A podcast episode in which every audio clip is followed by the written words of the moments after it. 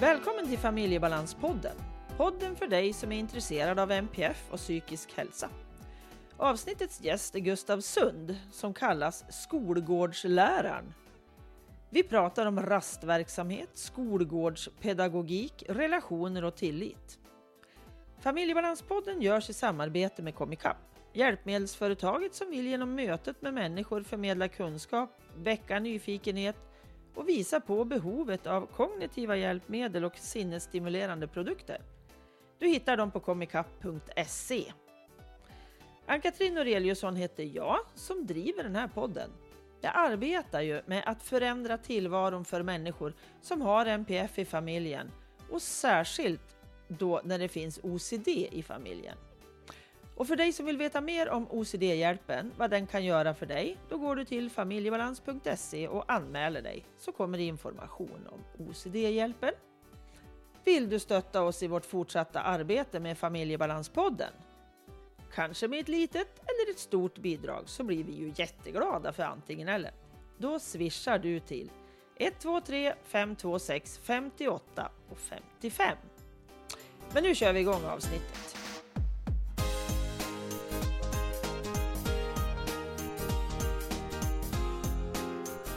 Hej Gustav!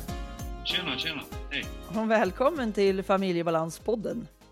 Tack, tack, tack. Vi ska prata skolgård bland annat idag. Absolut. Eller mest skolgård är det ju. Ja, För du kallar det för skolgårdsläraren. precis.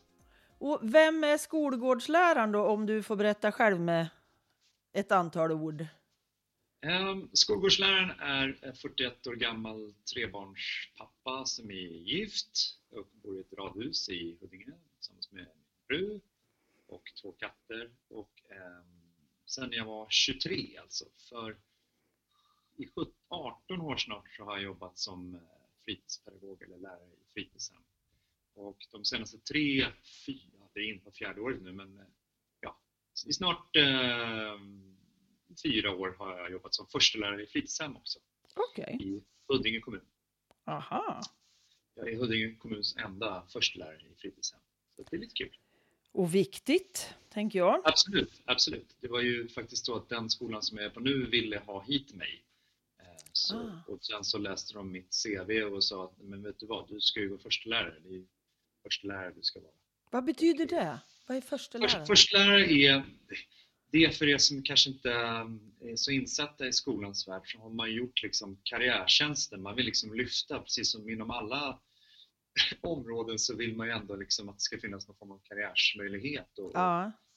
att man vill lyfta någon som är extra yrkesskickliga. Det står väl i beskrivningen av en förstelärare. Det är någon som är extra yrkesskicklig och har år av erfarenhet bakom sig och också innefattar det uppdraget att man kan också formulera sig själv och sitt uppdrag och lära ut det till andra. Mm. Ungefär så. Sen kan man jobba på lite olika sätt. Jag jobbar ju mycket coachande och eh, stödjande med mina kollegor här på plats och eh, ja, det är på 10 procent liksom, så det är inte så stor del av min, min yrkesvecka men, men ja, det bockas in överallt. Så att, Men Mm. hälften av det är väl ungefär att jag håller på och driver det jag gör, alltså utvecklar jag säger. Mm. Men- det- Om man tittar på skolgårdsläraren, alltså vad gör du då? Vad jag gör? Ja, det finns ju en fiktiv, jag skapade ett alter ego för eh, egentligen 1 april 2017 för det var lite sådär att, inte jag, jag hade väl lite sådär lägre tankar om mig själv men jag hade väldigt många kollegor som sa att du måste börja skriva om ditt sätt att jobba liksom och då var jag både ute och inne sådär men det var många som tyckte liksom att jag hade en kollega som var, hon var jobbat inom, hon var jurist från början men valde att jobba byta yrkesbana och sa att men du är ju någon som, som han Cesar Milan, du som pratar med hundar fast du kan prata med barn. Jag fattar inte hur du gör. Du kan bara komma in i ett rum så blir allting precis som du vill ha det. Liksom. Okej. Och det är väl någonting som jag har tänkt på väldigt länge. Men jag bottnar ju mycket i specialpedagogik. Alltså, en sidogren av just fritidshemspedagogik är ju specialpedagogik. Liksom.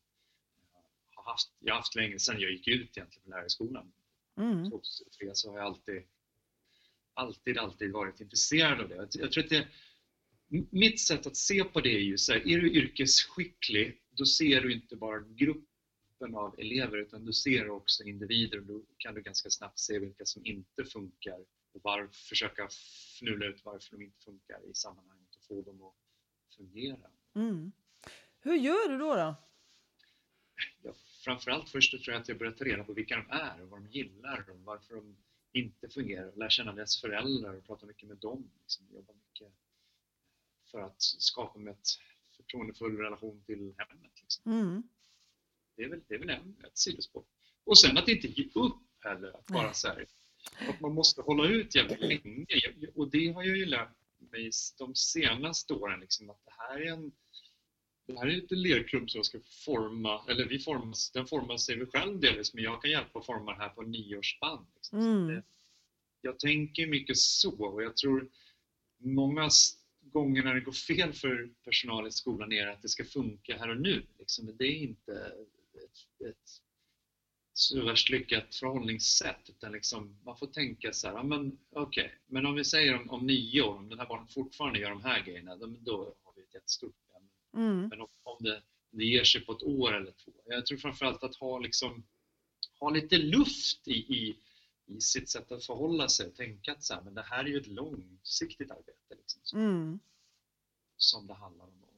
Den kommer göra fel, eller hen eller han eller hon kommer ju hela tiden konsekvent göra saker och ting som jag anser var fel, som handlar om kanske impulskontroll, ja. svårighet eller vad det kan vara. Liksom, försöka och inte ta det så jäkla personligt. Många blir väldigt personligt kränkta ja. av och det, det, det, är man yrkesskicklig och, och är duktig på barn med särskilt stöd, då tror jag att man, med, eller är man en duktig ledare, ska vi säga, för det handlar om att leda alla sorters mm. människor, då är man ju mer granskande av sig själv som ett verktyg för att nå fram med mitt innehåll. Liksom.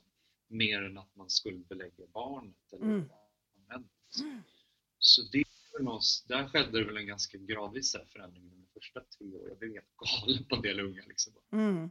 Jag insåg att efter något, ett, två år, jag läste mycket böcker i början också, men fan det är ju jag, alltså det är ju mitt sätt som kan Tänk om här, testa något nytt, testa ja. att göra så. Tänk först, tänk innan.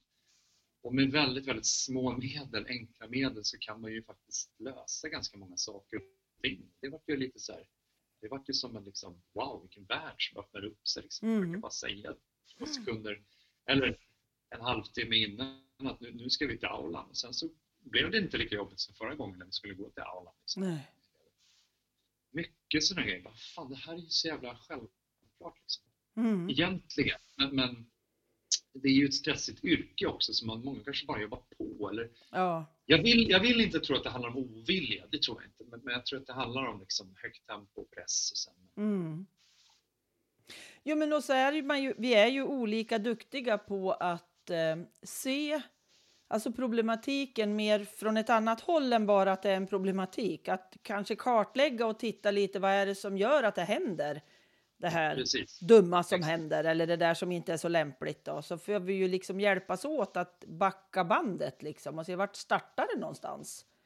Precis, precis. Och det måste ju vara något du får göra lite då och då, tänker jag. Det är det enda jag gör, ska ja. jag säga. Precis. Det enda jag gör. Jag tänker på, det är därför, det säger ju en, jag har en ganska ny kollega som heter Andreas som är resurspedagog som visste, han visste redan vem jag var innan eh, han började jobba med mig mm. på skolan. Han, han, säger ju här, roliga saker, han ser ju mig utifrån liksom, ja. säger, du, du är bara specialpedagog. Alltså det här med, det här med skolgården, det är ju bara en bisak. Du undervisar ju specialpedagogik lika mycket som du får sätta barnen i rörelse. Och det, det är också väldigt mycket så nu att alla barn eh, som har någon form av svårighet tror jag i ganska hög utsträckning graviterar mot vårt innehåll på skolgården. Liksom. Mm. Det har ju tagit tid. Liksom, och, eh, det har man fått träna in, liksom, man har fått göra, testa sig fram och mycket så här. Men, men jag upptäckte väl att 2011 att det var vi hade jättebra på innefritids och liksom inne till skolan men det här med rasten var ingen som ville riktigt ta tag i. Nej. Det var konsekvent samma saker som blev fel, liksom, med exakt mm. samma ungar. Så jag och en kollega började liksom fundera lite på det här. Fan, ska, vi, ska inte du och jag, nej men fan nu gör vi, går till vår rektor och frågar liksom. Mm. Kan vi, det var väl mars 2011, så kan vi lägga om våra tjänster? Vi vill jobba, det är det som ni har pratat om, och så här, är det någon som vill vara, vara utepedagog eller sådär? Vi vill göra det liksom. Och då slog hon sina nävar i borden och sa, det är fan, fan det bästa jag har 35 år, vad behöver ni? Ja, vad bra. Ja, det var jätte, vi var helt så här chockade. Vi bara, eh, det måste vi tänka på. Så kom vi tillbaks efter två dagar och sa att vi vill bara observera i, i tre veckor. Liksom. Mm. Bara 100% ute på alla raster. För då, om man inte jobbar i skolan, då, kan, då förstår man inte. Men så här, rasten är liksom någonting skvalp som blev över. Ja. Det är ingen som riktigt vill ta i det, utan det är bara så här, sett generellt ur lärarperspektivet så är det så här, oh, nu måste jag gå ut på rast igen. Ja. Och många behandlar också rasten som en offentlig toalett. Att man är så här, men du vet, många delar, ingen tar ansvar. Lite den principen råder. Och det, det, I lågstadiet så är det, så här, det är 40 procent, nästan 50 procent av tiden barn är i skolan. Är de mm. ute på skolgården. Mm. Och, och, då upphör liksom allt ansvar från vuxenvärlden, framförallt från, från pedagoger och liksom professionella mm. lärare. Så, så det är ju det var ett spännande fält att börja utforska. Liksom. Men man upptäckte ju ganska snabbt att så fan, det, är, det tog en dag, sen bara okej, okay, men den där ungen hamnar i exakt samma konflikt med exakt samma kompisar på exakt mm. samma plats. Jag skulle kunna rita ett kryss med en skolkrita. Mm. Och mycket sådana där saker upptäckte vi. Liksom. Både så här, vad som kan vara svårigheten i, i strukturen men också hur vi kan underlätta för de här barnen. Liksom. Hur kan man göra det, det som är svårt och obegripligt begripligt? Liksom. Hur kan mm. vi göra det förutsägbart? Och det har jag ju fortsatt med liksom, i all oändlighet. Men, men just det här, men sen då, när, när ni liksom har fattat det här. Alltså det här, det här händer där och den där blir det så där för. Hur liksom, för jag förstår, ni har ju någon slags rastverksamhet liksom. Mm. Kan du beskriva lite, vad gör ni då, då? För att det här inte ska uppkomma igen. När man ser att den där ungen hamnar alltid utanför, den hamnar alltid i bråk och alla de här delarna liksom. Hur gör Nej, att fånga upp, fånga upp alla alltid är ju liksom en utopi. Ja. Men det är ju liksom helt omöjligt. Det, det, kan inte gå. Men man kan sträva mot att försöka fånga upp så många som möjligt i fungerande sammanhang. Och då gäller det att liksom förekomma med ett intressant innehåll som barnen kommer ut och möter. Som jag har också då först och främst, alltså fritidspedagogik handlar ju om barns intresse, behov och erfarenheter. Det är liksom hela min mm. utgångspunkt när jag när jag gör grejer. Så då gäller det att vara väldigt up to date med det är väl ett, ett växelspel. Vi tar fram någonting, vi provar det. Var det populärt? Var det inte populärt? Jo, men det här slukar jättemånga. Men då gör vi mer av det. Och sen är det en, en satt liksom, sak som man kan göra på, på skolgården. Och sen så hittar vi på någonting annat. Så vi, vi hittar ju på, jag och min kollega Mohammed, väldigt många roliga saker att göra. Och sen så är vi där och gör det med barnen så att man jobbar in liksom regler, normer, begriper alla. Den, den som har svårast att begripa begriper den här det. Mm. Ja, och sen jobbar vi liksom, vi biter oss fast i det tills, tills det känns bra. Eh, och sen är det en etablerad liksom, eh, sak man kan göra på rasten. Liksom. Så vi försöker hitta väldigt många olika saker för olika barn att hitta. Liksom. Mm. Har du några exempel? Jag har ett sånt här exempel som är, jag har en stolp, en pinne eller som en stålstolpe med, med ett snöre och sen en boll på slutet och sen ligger alltid två tennisrack där. Det är ett sånt där grej. Och så kommer man och så står man på varsitt håll och så slår man bollen och den, då snurrar den runt stolpen. Ja. Och så snurrar man sitt varv och så säger plong. Då har jag, har jag vunnit för då slår den högst upp. Liksom, hela okay. Då lägger jag ner racket så ställer jag mig i kön. Och det oh. fattar alla barn. Så oh. det, fattar, det fattar våra Downs syndromare. De står ju där och bara så här, är som alla andra. Ja. Och kör det liksom. Och det, Ja, sen har vi väl annat, så vi gjort små, små såna här nio-rutor som vi har satt under tak. För vi har liksom en matsal och sen är det lite under tak där, lite sådär gömda vrår. Sen så varje morgon går, går jag ut där, så är det tre stycken såna här nio-rutor. Så lägger jag ut koner liksom, och sätter ut såna här brödbackar som man får av köket. Liksom. Och då är det tre spelstationer där jag märker att många barn som kanske inte gillar det stora sammanhanget, liksom, ja, men de går och sätter sig där. De bara går och spelar tre rad. Liksom. Okay. Sen kommer jag någonting annat. Man kan bara liksom droppa, många saker är så här, man, man kan bara se någonting och bli sugen på det men, men du ska komma ut på skogen och se någonting som ser spännande och attraherande ut först. Mm. Som du också, troligtvis så känner igen det. Så jag bygger på, det bygger mycket på balansgång mellan utmaning och liksom igenkänning. Sådär. man ska bygga trygga saker till, men det ska också hela tiden flöda in någonting nytt och spännande. Mm.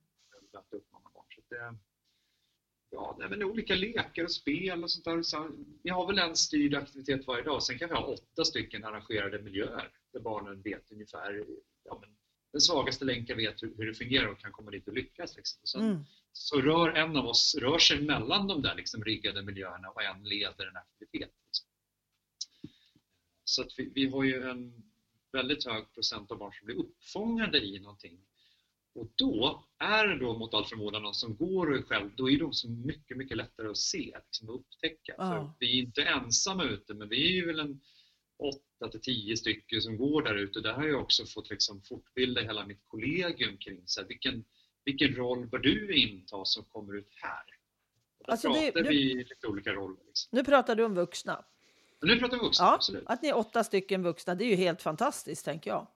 Ja, sen är det ju 300 barn, ibland Ja. 400. Men, men, men vi är ju ett, ett gäng ute som fördelar oss på delvis områden men också i lite olika former. Sådär. En, vi har en roll som vi kallar för lotsen och då är man ju precis vad det låter som. Man är en lots. Alltså man går och fångar upp barn och sådär som, som inte hittar riktigt in i något sammanhang eller behöver någon att prata med. Liksom man är liksom lite uppsökande, så trygghetsskapande Mm. pedagog. Och den är ganska många av oss som har den rollen. Och jag brukar vara antingen helikopter, då rör jag mig över jättestora spann liksom, för att så här, förekomma. Nu springer det 40 barn upp till skogen, är det något krig på gång här? Eller Okej. försöker liksom se. Och I och med att jag går överallt och ser allting, då kan jag ju, om jag ser någon kollega som inte verkar ha någonting att göra.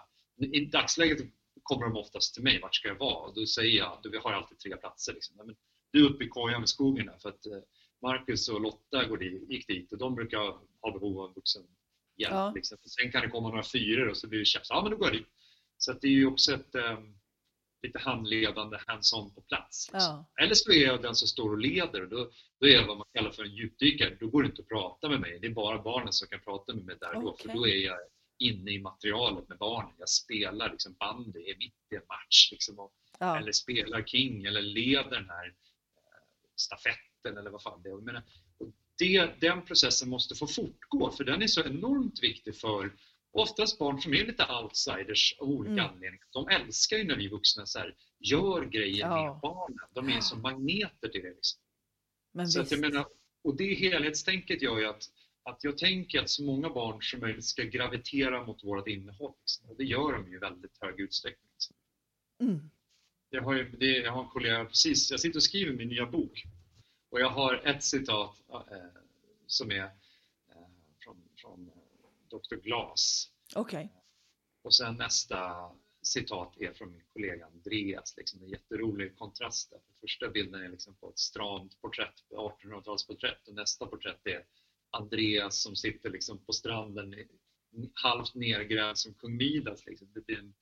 Han, han sa en gång till mig så här, du, du måste känna stolthet varje gång, sträck på dig, känn stolthet varje gång ett barn ropar ditt namn. Liksom. Mm. Du, förstår, du förstår inte riktigt fullt ut vad det betyder för de här barnen men, men Mm. lova mig, jag ser det, du är liksom ovärderlig. Det, det där har jag tänkt mycket på, för jag hör, jag hör ju mitt namn 48 miljoner gånger varje Ja. dag. Och då är det ju en unge som bara säger jag vill genomföra det här. Det är inte så för att de bara vill ropa på mig. utan 100% av ungarna de vill låna ett snöre eller låna en tejpbit eller så ska jag hämta någonting till dem Mm. för att de ska lyckas på rasten. Liksom. Mm. Det, det, där bär jag mig mycket med mig, liksom, att vara en, en väldigt nyckelfigur och möjliggörare liksom, på, Ja. på skolgården som är en plats som ganska traditionellt sett är liksom laglös. Ja. laglös liksom. Det är ju många, precis, det är ju jättemånga som har haft rasten som sin absolut värsta del av skoldagen. Ja, Det är ju jättevanligt. Sämst? Det är de med sämst Mm. förutsättningar, oftast barn med MPF.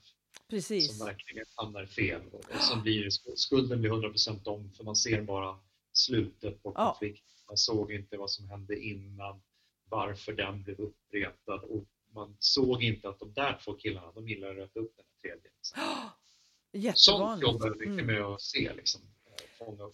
Ja, det måste ju vara suveränt att det finns någon där hela tiden som kan hela det här spelet som kan pågå. Ja, Att jo, jo, Den här Det som... finns ju ingen som har så mycket informell makt som jag har på skolan. Nej, Alltså, är Jag förstår det. alla barn. Ha- Hade de frågat, hade du gjort en enkätundersökning vem som bestämmer på skolan, då hade rektorn fått rätt 10 procent. Ja, det- är Gustav det. som bestämmer. ja, men det är barnen tror det. Mm. De tror att det är jag som bestämmer. De tror att jag Mm. har byggt saker och ting på skolgården. Liksom, och, så här, och att jag, jag bestämmer vad det ska bli för mat och sånt där. Tror de är lägre. Mm.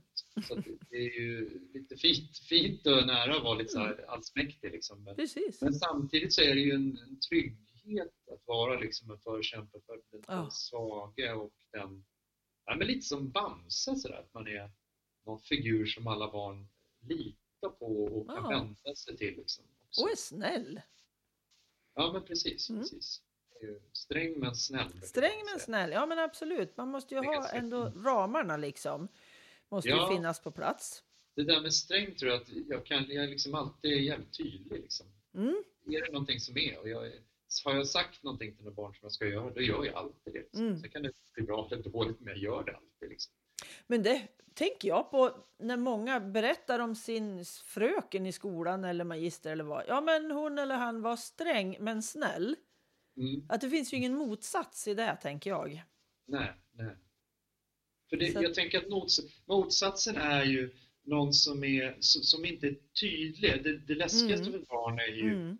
någon som blir luddig. Är han glad? Är han ledsen? Mm. Är han Arg? Är jag omtyckt? Är, jag, är han Mm. arg? Alltså, allt det blir ju, och allt det, när barn känner eh, att, man vacklar i sitt ledarskap, då blir det ju andra barn, oftast sådana med liksom dåliga värderingar, som tar över. Då blir Mm. det, men det var det jag menade lite initialt, att jag är i skolans liksom informella ledare. Så där. Jag, jag styr ju allt och Mm. upplever barnen. För att det, finns ingen, det finns ingen som, eh, som ifrågasätter mig i någon årskurs. Då pratar vi om 800 barn efter 9. Det är ju för att Okej. jag Mm. de har liksom antagit mitt sätt att vara. Sen kan de vara vet, fuck you och det. Vara så där. Men, men jag bara fortsätter att vara trevlig. Jag bara fortsätter att vara trevlig. Jag hade, Mm. Vi hade pulkabacke nu och då kom de storigaste jäkla tjejerna i åttan som bara skriker och liksom, alla bara tycker de är så jobbiga. Ah. Ja, men de kom ju varje rast och ville åka pulka. Varenda rast ville de komma och liksom, jag fick ju en hade liksom slöja, en sån hög sjal, så hon tyckte det var lite jobbigt med hjälm. Då, fick jag, då la jag undan liksom, tre hjälmar eh, till dem. Och de kom varje dag snällt sådär. Eller inte i början, då var de såhär äh, stökiga som fan. Och jag liksom varje dag konsekvent, ja, men det är det här som gäller, ni ska igen på er. Mm. Ni ska vara de trevligaste i den här pulkabacken. Och till slut så bara mötte de upp den förväntan. Liksom. Det, Mm. tog, det tog inte längre än sex dagar. Sen var de de trevligaste ungarna i hela backen. Mm. Liksom. Hjälpte mig att plocka in och sådär. Precis. Lågaffektivt bemötande tänker jag. 100 procent. Ja. Det är ju jätteviktigt för att inte liksom gå in i den där Nej. i samma mynt liksom. Det funkar ju aldrig. Nej, nej, man måste förstå att det är barn och ungdomar. Det- Ja. Deras jobb är att söka affekt. Liksom. Ja. Det är hela grejen. ja. Eh, Men så att det, ja, absolut. Men jag läste någonstans också som, det var nog på din Facebook-sida, du har ju ohyggligt mycket följare. Det tycker jag är jätteroligt för det här är ju ett så viktigt ämne. Mm. Och då läste jag om relationsskapande ledarskap. Och det är väl precis det allt du har berättat om tänker jag, att det är ju ett relationsskapande ledarskap som du jobbar. Absolut, och jag jobbar, ett ännu bättre begrepp är väl att man jobbar med tillit. Liksom. Mm. Säger han det här? Menar han det här? Och, och, menar, tillit är någonting man bygger upp Ja. tid mellan mig och den eleven eller de här eleverna. Och det bara växer ju. Det, det är ju ett kapital som jag måste investera mycket i Mm. men som genererar över tid väldigt mycket tillbaka. Liksom. Och där måste ju jag också ange tonen hela tiden Mm. i, i det här. Liksom. För vad jag ger är det jag får tillbaka. Jag har ju väldigt många sådana här knasungar, eller det är väl de jag träffar mest och som sugs till mig mest. Liksom. Mm. de är ju som små lamm i min närhet. Liksom. Och Jag ser dem göra fel och jag bara berättar på väldigt vänligt sätt att "Men det här blev ju inte, vad tycker du? Att, hur kändes det här? Liksom. Och de bara, "Nej, men Gustav jag vet det, det känns inte bra. Mm. Så det handlar ju mycket om det, att också spegla dem så här och förstå att så här, det, det, är liksom, det är två steg framåt och ett steg bakåt hela tiden. Det är Precis. felfritt. Mm. Mm. Men det är också, det jag ser mycket hos de här barnen är att de, de tycker om mig väldigt mycket och då vill de göra saker och ting. Inte för någon annans skull och inte för så här, deras fröknars skull och inte för någon, men de vill göra mig glad. Och Ja. det, det fungerar väldigt bra på barn. Så här, att de märker att jag blir jätteglad och jag skickar ett mejl eller ringer till pappa när jag gör så här. Då gör de ju mer så. Så att jag jobbar ju, mitt, mitt vassaste vapen är ju bara positiv förstärkning. Så Mm. jag är väldigt nedtonad. Ibland måste man ju gå in när någon kränker någon eller jag Mm. och vara väldigt skarp. Men det, det är någonting som jag bara måste göra. Det tycker jag inte om, men det måste man göra. Ja. Men, men det jag gör mestadels är ju bara att förstärka positiva saker. Jag ser. Så här. ja, Oj, men vad exakt. du kan hoppa, att du kan göra det här och nu har du blivit, shit vad du är duktig på att komma ihåg nu. Det är, det är ju mestadels Mm. det jag går och liksom strösslar över barnen. Då, då får ju de en fysisk känsla, i- det känns lite bra och då Mm. vill man göra det mer. Som, Absolut. som alla människor liksom. Ja, men visst. Man vill Precis. bli bekräftad liksom, och Mm. man är och att man faktiskt kan göra rätt saker. Liksom. Ja. Och jag har en, en, en liten kommentar till mig själv för att komma ihåg just det där. Vad vill du säga till föräldrarna? För jag, i början av samtalet vi har här var ju just det där att du har jättenära kontakt med föräldrarna. Ja. Det gör ju mig otroligt glad ska jag säga. För jag tycker ju att det är, det är en brist ibland att man inte känner att skolan och föräldrarna är ett team. Ja, Utan absolut. att vi slåss lite på varsin planhalva och det är jag så emot. Jag tycker det är så jättejobbigt. Jo men alltså jag har alltid, jag har aldrig begripit det där. Jag har haft många kollegor som har sagt nej men de kan man inte prata med. Nej. Vi håller lite låg ton där och så här. Man ska inte le innan, innan höstlovet liksom och man ska vara slags, jag är liksom tvärtom. Jag är jätte sådär men samtidigt är jag väldigt, väldigt personlig, men jag är aldrig privat. Liksom. Det, det är liksom en, en, en yrkesprofessionalitet som jag har. Jag kan prata jättemycket och länge med föräldrar. Liksom. Eller inte för länge, men jag, men jag kan prata med dem. Liksom. Ja. mycket, framförallt om deras barn. För någon gång så kommer jag behöva prata om något som är jobbigt. Om, de, om vi har en bra kanal som redan är uppsprängd, vad fan, då är det ju det enklaste i världen. Liksom. Mm. Och jag är väldigt sådär, jag ringer alltid direkt när det har hänt någonting. Det kan vara en liten struntsak och då får man ju liksom en novell tillbaka. Så tack Ja. för att du verkligen ser och bryr dig om mitt barn. Liksom. Och det kan ju vara så att någon har brutit ben och man liksom höra av sig och så här, men de är alltid ändå tacksamma. Liksom. Ja. Det är sånt som händer. Så kan man reda ut alla. För, för, för missförstånd och liksom, eh, där man tappar i förtroende som skola är ju någonstans i brist på kommunikation. Bara- Ja, och precis. Och det ger ju brist på tillit, tänker jag, om vi inte har kommunikationen. För där är det ju också tilliten till, från föräldrarna till er. Exakt. Det är ju precis samma sak, tänker jag, som till barnen. Nej, men det jag märkt också under åren är att det är jättemånga föräldrar på min, mina jobb som följer mig. Som, de, de har ju stenkoll på vad jag pysslar med. Ja. Ser så här, och så kommer de hit och säger ah, jag såg det där du skrev. Liksom. Ja. De är ju också intresserade, fast jag kanske riktar mig egentligen då till så här yrkesverksamma, så tycker de att det, är så kul att följa mig, för då får de en, en ökad förståelse för, för min bakgrund och vem jag är och hur jag tänker, hur jag jobbar. Och då, det gör ju liksom jätte, det tycker jag är jättekul. Liksom, att de, då, det är ju som att bara Mm. Jättemycket goodwill liksom, att de följer mig och kommenterar grejer på Instagram. Åh, det är så kul, det där kommer man hem och berätta om. Och liksom. Ja, men precis. Det är ju jätteroligt, tänker jag. Som... Jag är den som trycker ut ett veckobrev varje vecka också. Där skriver vi, det kan ju liksom brinna, men nu har vi 17 borta för, förra veckan. Liksom. Men vi tryckte ändå ut ett veckobrev. Liksom. Och på vissa ställen kunde vi inte, vi bara, men vi kan inte skriva någonting här, för vi har inte hunnit skriva någonting, men vi skriver lite i alla fall. Och då Ja. tycker jag liksom, fem, sex mejl bara, ni ska verkligen veta hur jävla glada vi är för att ni skriver varje vecka och det är så Ja. viktigt det med att få minst, det är bara att få en inblick i, för jag, mitt barn kommer hem och så frågar jag vad har du gjort idag? Så svarar mitt barn bra. För att de är så vana liksom. Och, alltså, så här, de är så upptagna med sitt. Liksom. Ja. Precis. Och varför vi gör saker. Vi väldigt mycket, pratar mycket om varför vi gjorde det. Och Ja. Tyckte det var roligt och nu gör vi med det. Och de har önskat att göra det här så nu gör vi det. Liksom. Precis. Så att, eh, men det har tagit ett tag att lyfta här på skolan. Liksom, jag fick börja lite på minus. Ny skola, jättemånga outbildade liksom och sådär. och Mm. Det var ganska lågt från föräldrahåll. Och liksom.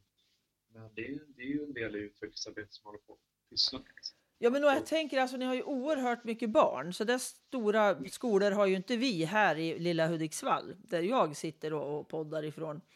Så att det liksom, och ändå så ser jag inte just den här verksamheten som ni har på er skola. Mm. Och det borde ju vara enklare här, tänker jag, när det är färre barn. Ja, Så. ja. Sådär, så att ja, jättespännande att lyssna till något jag inte hade någon koll på. Det var väldigt spännande tycker jag. Mm, mm.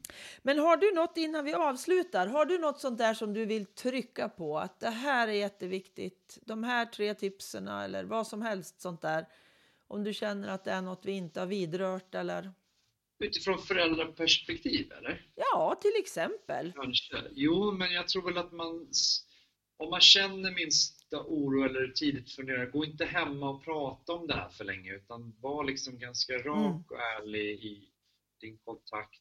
Starta upp den tidigt med skolan, ha tät kontakt med Mm. dem och förstå att de också är människor och har ditt barn och 400 miljoner andra. Nej, men alltså, det, är, det är ju ditt barn. Det, det är enkelt att bara se så här, sitt eget barns perspektiv. Så här, det funkar ju så bra hemma. Men skolan är ju ett sammanhang där, barnet möter så många andra barn och så många andra vuxna och så många Mm. andra sammanhang som blir liksom komplexa att se och saker och ting uppstår. Och så. Men, Mm. men jag tror någonstans att försöka så långt det går att verkligen signalera till, till, till skolpersonal så att men vi litar på att ni bra, gör ett bra jobb, vi tror på er och liksom ha tät kontakt med dem och också det kommer ju då generera att ni förstår, ja är det så där de tänker? Det är ju Mm. fan bra. Det är riktigt bra.